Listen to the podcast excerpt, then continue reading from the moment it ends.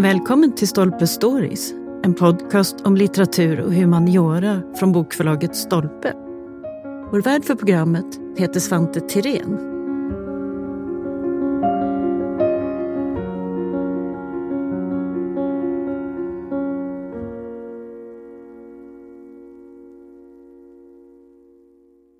Konstnären Axel Törneman var en nyckelfigur i den moderna konstens genombrott i Sverige.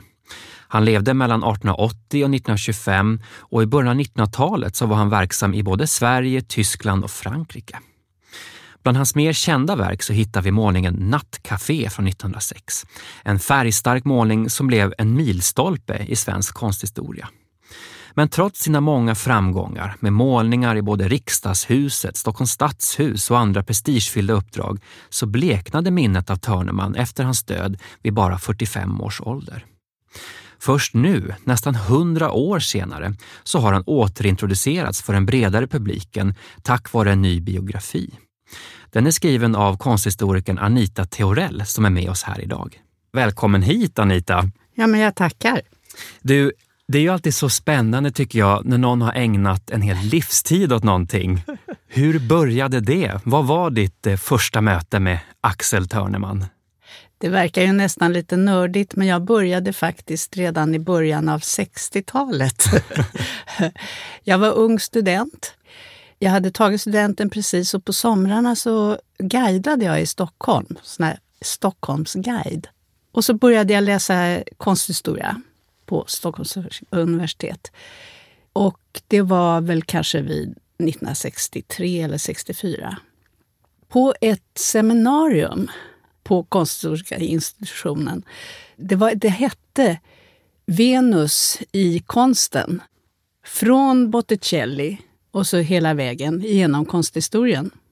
Jan Svanberg hette amanuensen och han avslutade det hela med en bild och så sa han Är det någon som vet vad det här är? Och vem det är som har målat det här? Då räckte jag genast upp handen och sa det är Axel Törneman i Stockholms stadshus eftersom jag hade varit guide i Stockholm och hade gått igenom detta stadshus så många gånger. Men det var också det att jag var parallellklasskamrat med ett barnbarn. Just det, så du träffade en del av familjen också? Ja, det gjorde jag inte, inte då. Men eh, redan 64, därför att det visade sig att familjen Törneman hade bett institutionen om hjälp att eh, ordna upp hela Axel Törnemans kvarlåtenskap. Nu hade hans hustru Gudrun dött mm. något år innan. Och eh, de måste få hjälp med att ordna upp alltihopa. Som nämligen fanns kvar på hans gamla ateljé på Katarinavägen 15A. Jag får berätta mer om det. Det här besöket i hans ateljé. Ja, det var ett besök som pågick nästan i två år varje lördag och söndag och eh, alla helgdagar. Och det gällde då att öppna alla hurtslådorna där det föll ut den ena skissen, teckningen, akvarellen efter den andra. Det var tre stora såna där vita breda hurtsar med många lådor. Så där fanns ett fantastiskt material att katalogisera och registrera. Så det höll vi på med, en annan student och jag, så länge. Hur var känslan att komma in i den där ateljén? För det, det revs ju sen det där huset. Va?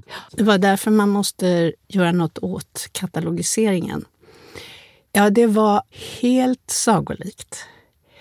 Det var ju stentrapporna upp och så luktade det på ett speciellt sätt i den här husuppgången. Och så kom vi fram till dörren högst upp i huset och där var en stor järnbalk som gick tvärs över hela dörrarrangemanget. Och när den föll upp och gnisslade och sen vi öppnade dörrarna, då öppnade sig en, kan man säga, tvåvånig ateljé. Alltså det var som två våningar som var en enda hög ateljé. Fullhängd med målningar från golv till tak. Överallt. Inte en bar fläck. Och så var det ett stort glasfönster som vette ut emot inloppet till Stockholm. Och det här var på 60-talet? Det var 64 som vi började. Och då var den i princip orörd i stort sett sedan Ja. hans tid? Törneman hade ju, Axel hade ju dött eh, redan 1925. Men hans fru Gudrun ville inte skingra alltihopa och hade väl kanske inte så mycket möjligheter heller till det. Men hon ville nämligen fortsätta att leva med honom. Så hon till och med bodde där på ateljén Mm. i två små rum bakom huvudentrén där. Men det var, man häpnade. Man tappade Det är inte alla Besinningen. konsthistoriker som får Nej, en sån Alltså upplevelse. tänk, vilken himla eh, tur och tillfällighet. Mm. Och sen var det också det att eh, i byrålådan i en stor eh, gammal chiffonier så välde det ut en massa brev. Mhm. Det förstod inte jag hur viktigt det var då. Vi koncentrerade oss på teckningarna och målningarna. Men i breven fanns det Mycket. fler berättelser. Där var det guld. För det här blev ju sen en hel doktorsavhandling som du skrev. Ja, fast den innehöll bara en specifik vinkel, nämligen det monumentalmåleri som han gjorde i riksdagshuset. Och det var naturligtvis dels hans konst som hade gjort mig intresserad, men så var det ju också 68-tid. Så att eh, jag var också intresserad av hela det politiska spelet. Både rikspolitiken och naturligtvis kulturpolitiken. Du skrev ju den här doktorsavhandlingen och sen har du jobbat med honom och nu har du sammanfattat hela hans liv i bokform. Man undrar ju, hur är det att göra en sån skildring av Axel efter så många år? Man kan också fråga varför gör man det? Ja, varför? Jag har ju gjort mycket sen jag skrev den där avhandlingen. Både på, som intendent på Liljevalchs och eh, Kulturhuset framförallt, när det var alldeles nytt och hade hela femte våningen som utställningslokal. Mm. Och sen vidare. Men eh, varför fortsätter man? Och det här ligger och skaver. Och jag, och jag tyckte, kanske för en sju år sedan, jag kan inte ha fått den här gåvan och inte ge den vidare. Jag måste berätta mera om honom. Om hela honom. För ju mer tiden gick, desto mer intresserad blev jag av personen. Och framförallt när jag hade läst breven. Så du kände ett slags eh, ansvar? Ja, jag hade ett ansvar för att föra det här vidare. Och eftersom han just var inte så välkänd när jag läste på 60-talet. Det var ingen människa som hade hört talas om honom, eller väldigt få i alla fall. Så tyckte jag att här måste något göras. nu- Innan det är för sent. Ja, just Jag är själv snart 80 år.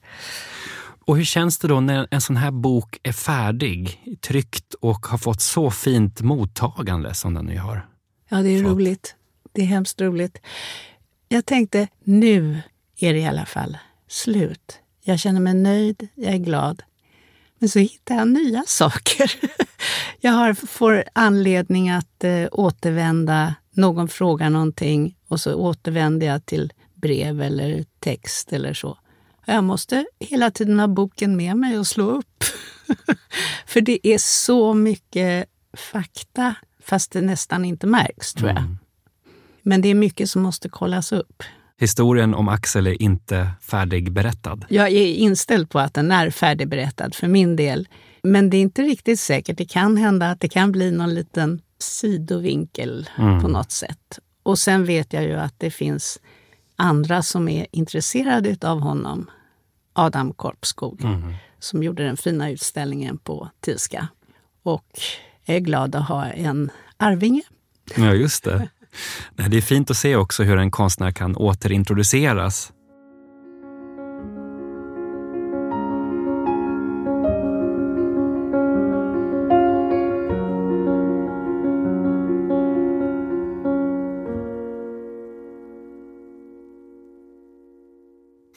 Axel, han föddes ju alltså i Värmland. Han var son till en ingenjör.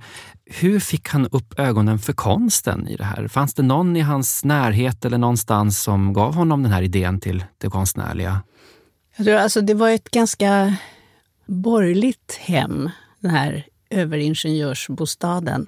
Och när jag tittar på bilder där så är det väldigt mycket små målningar och små tavlor och, och så. Så att det var liksom kanske redan där ett eh, intresse som väcktes.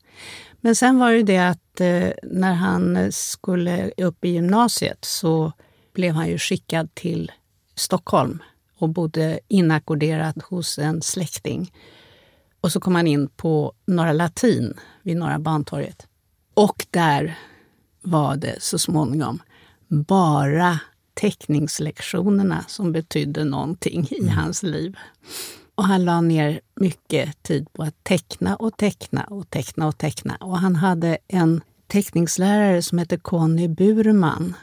Och han var väldigt skicklig och han var så skicklig så att han till och med hade en liten eh, konstskola. Mm -hmm. En privat vid sidan av sitt eh, arbete på skolan.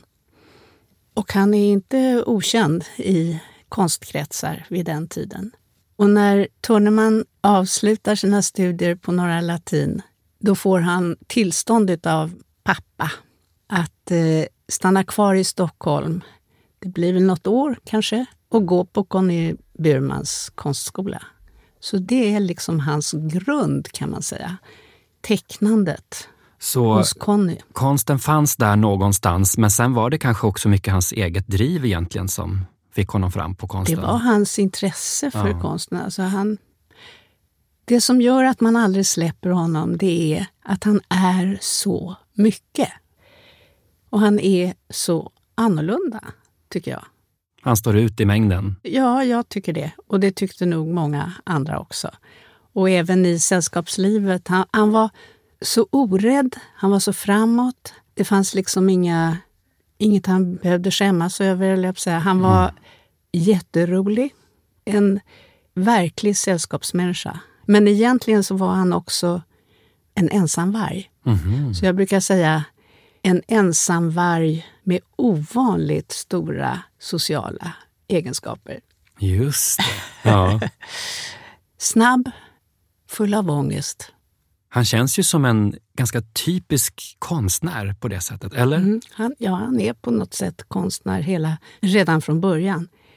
Alltså, han var bara det. Mm. Och han han eh, observerade så mycket i naturen och i gruvan och, och så där. Han var nyfiken. Det låg i honom också. helt enkelt? Ja. ja.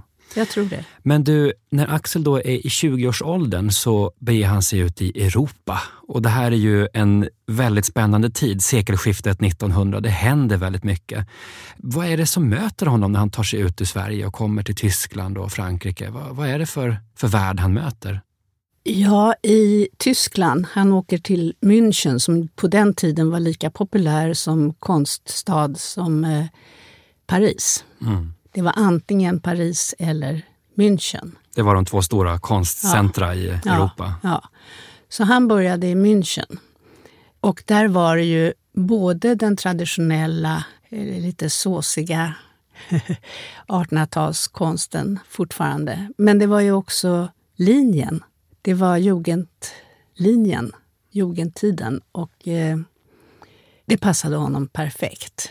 För på något sätt så har han det där i kroppen. Att kasta sig över ett ark och med utsträckta armar och i någon slags position, nästan tjuvfäktarposition, mm. bearbeta ytan. Så där var det så att säga linjen, det var den här jugendtidens liksom fokus på det lite mer grafiskt mm. Eh, utforskande. Mm. Men, Men, sen också, det, det ska man hela tiden komma ihåg, han går hela tiden på museerna. Skolorna ger honom inte alltid så mycket, men på museerna går han. I eh, Tyskland, i München, så ser han eh, alla tyskarna. Alltså, alla den tidens stora namn. Ja, ja. just det.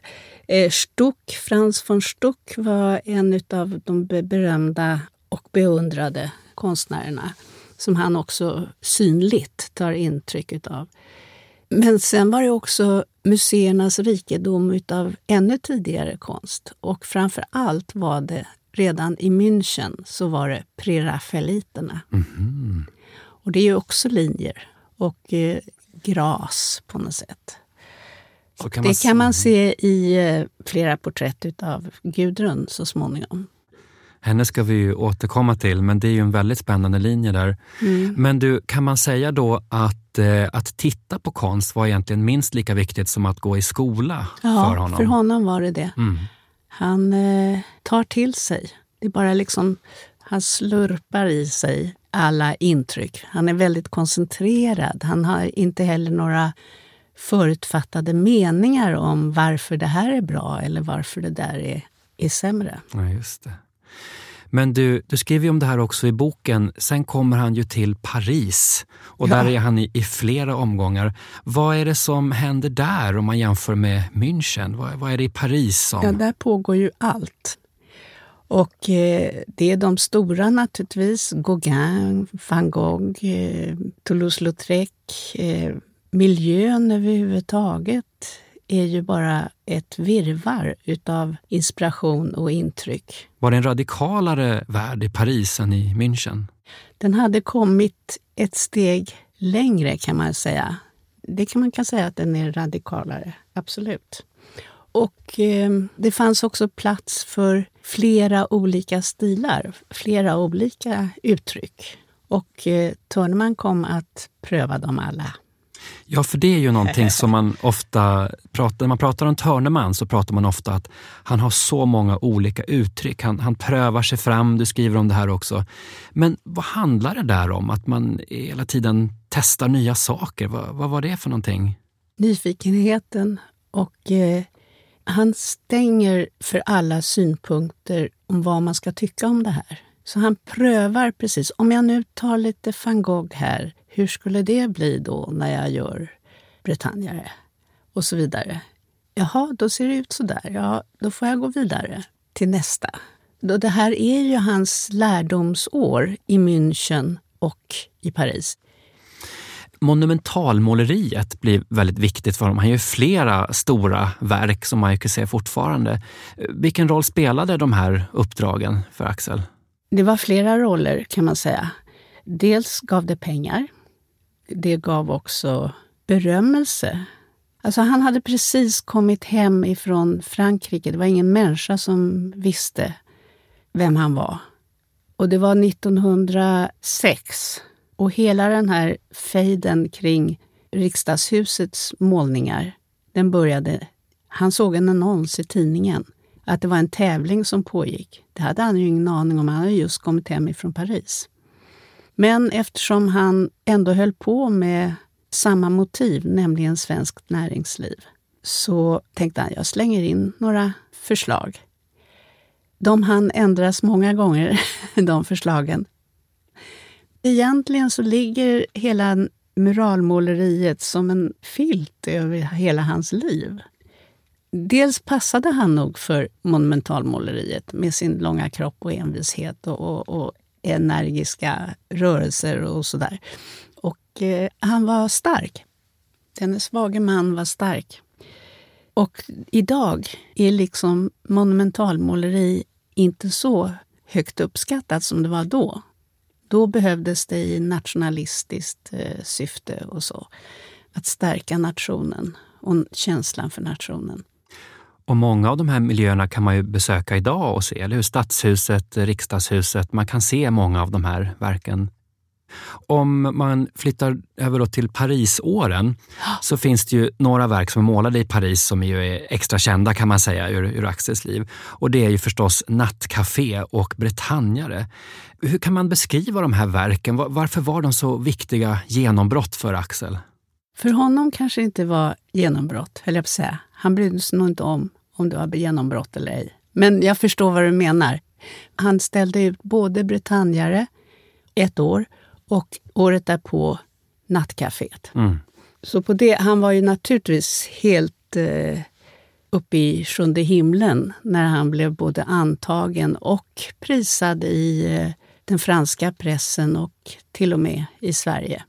Men låt oss börja med Bretagnare. Tidigare hade han varit med en massa andra människor på somrarna ute vid havet. Men 1905 då kände enstöringen att han måste vara helt ensam. Och då åker han till Bretagne. vid kusten. Och då går han omkring på kullarna där och ser bönderna och arbetet och färgerna i naturen. Men han har också sett både van Gogh och Gauguins tolkningar utav Bretagne och landskapet. Så det är mycket intryck hela tiden som liksom kommer ifrån alla håll och kanter. Och det där ska smältas. Och han är mottaglig, han blir inte överväldigad utan han... Eh, Nej, det är bara att pröva. Ja. Alltså, det där ska jag ge mig på. Men det intressanta med Bretagnare är att först gör han en britanniare, Han hittar bönderna i trakten som kommer och står modell för honom. Och eh, de är ganska så slitna. Den är i blått och grönt, kan man säga. Och väldigt Gauguin-influerad. Och sen så, han berättar om var och en av de här figurerna som förekommer. Och de är personer. De är, han är personligt intresserad av dessa människor. När den målningen, första målningen är färdig, ja, den hinner knappt bli färdig förrän han spänner en ny duk. Och då ska han pröva något annat. Då blir det van Gogh. Det är samma figurer som är uppställda nästan på samma sätt. Färgerna är helt annorlunda. De är ljust blå, ljust gröna, lite gult, lite rosa. Och de är lagda med en ganska smal pensel i långa streck. Mm. Mm. Uppritade, medan kanske den första Bretagnare var målad. Så när jag ser Bretagnare 2, som jag brukar kalla den för, något ska de heta, då tänker jag i den första så var de människor som han intresserade sig för, som han kände med. För han hade också viss erfarenhet hemifrån. När han kommer till och ska experimentera med denna grupp, då blir de föremål på något sätt. Mm det är ett skifte där från... Jag tycker det. Ja. Det är liksom, då är de, han experimenterar med dem och de blir föremål. Ja. Du, det går ju väldigt fort, det förstår man i hans konstnärliga utforskande. Men sen kommer ju då Nattcafé som ju kanske är en av de mest kända av, av Axels målningar. Ja, och varför är den så känd? Jo, den är fantastisk. Men den har ju också sin långa historia. Hela nattlivet och hela kafélivet tar mycket av hans tid både fascinationen för miljön och, och, och för att det är trevligt och för det brusar och har sig. Så han är väldigt noga med att eh, denna miljö måste skildras. Det var inte så här i Persberg. Nej. och att han tar det till sig. Liksom, att det är liksom inget märkvärdigt med det. Att jaha, nu är det så här här. Också spännande. För motivet är ju då en, en barscen kan man väl säga. Ja, det är ett sånt här öppet café på natten. Alltså, som den här heter... Jag tänker på kaféets namn? Ja. Råttans café. Dö, döda, döda råttans café. Kan man säga att den gjorde skandalsuccé, eller hur ska man beskriva det? Det beror på vad man har för ögon, eller jag på säga. Nej, jag tror att alltså det var skandal kan det ju inte ha gjort, för det fanns ju liknande motiv som var mera skandalösa. Toulouse-Lautrec kanske? Toulouse-Lautrec och, ja, just det. Och Degas ibland också. Men eh, det var färgen och linjen och kompositionen. Han ägnade enormt mycket tid åt kompositionen utav den här. Hans styrka är faktiskt komposition, teckning och färg. Det är ju ganska intressant att tänka sig att 1906 så var det kanske inte motivet med de här kokotterna som var det mest laddade, utan det var penselföringen, färgerna, mm. stilen. Just det. Det var ett levande scenarium som eh, han kunde utnyttja till detta.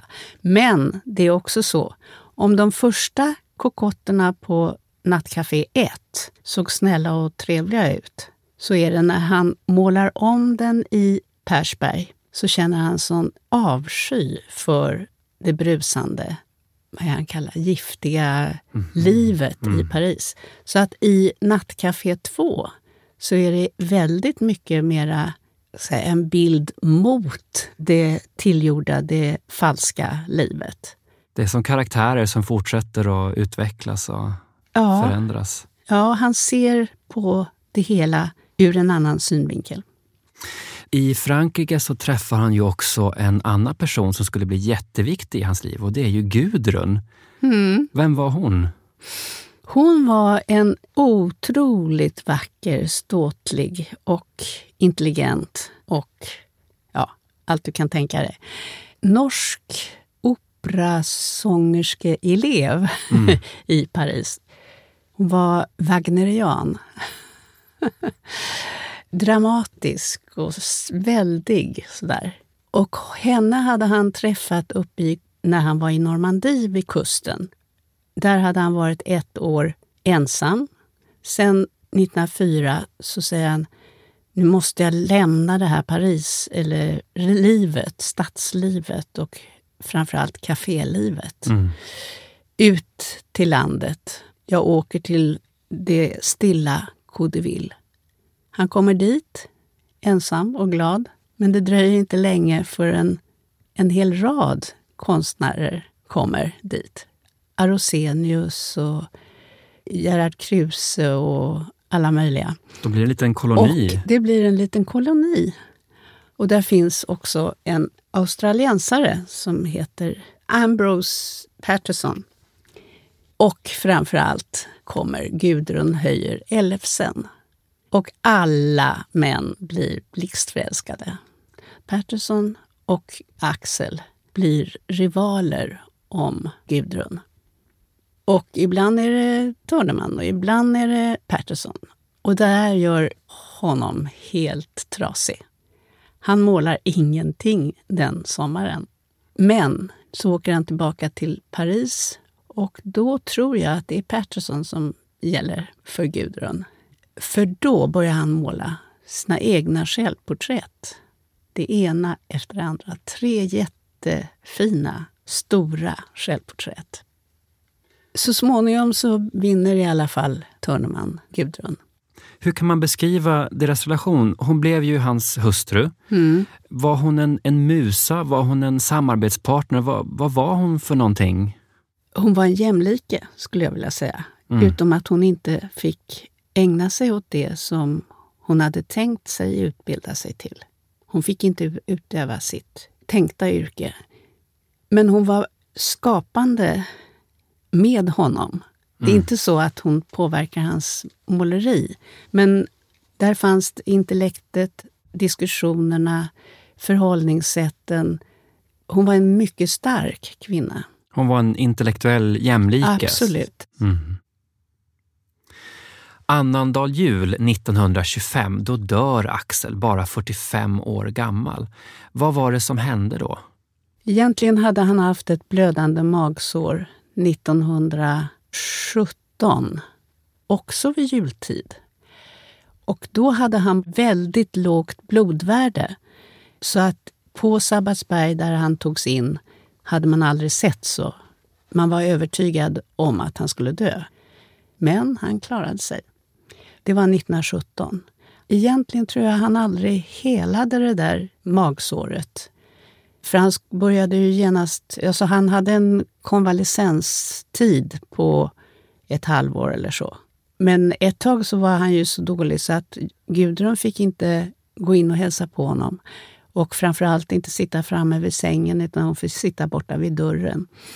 Men i alla fall så, han var ju en orolig själ med en orolig mage. Och eh, 1925 så får han sitt andra stora magsår. Och då på annan dagen så dör han. Mm. När man läser din bok Anita, tänkte jag här avslutningsvis, ehm, så förstår man ju dels att Axel är en otroligt spännande konstnär som är med i en spännande tid.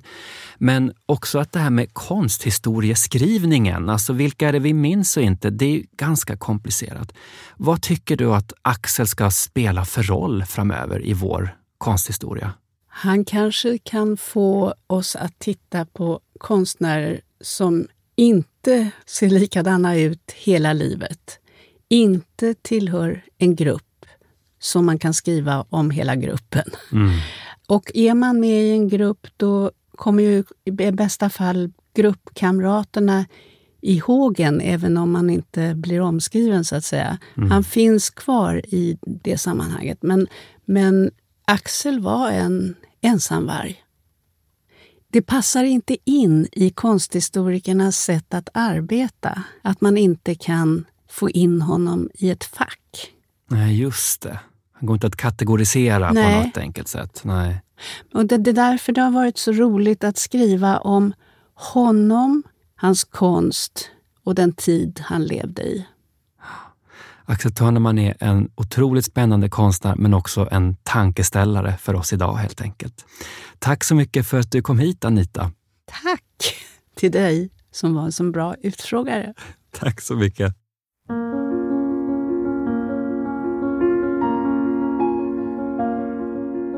Tack för att du har lyssnat på Stolpe Stories. Missa inte att du som lyssnar har 20 rabatt på bokförlaget Stolpes titlar hos Bokus.com. Aktivera rabatten genom att ange koden STOLPE20. Och för att lyssna på fler avsnitt, följ oss där poddar finns och på sociala medier.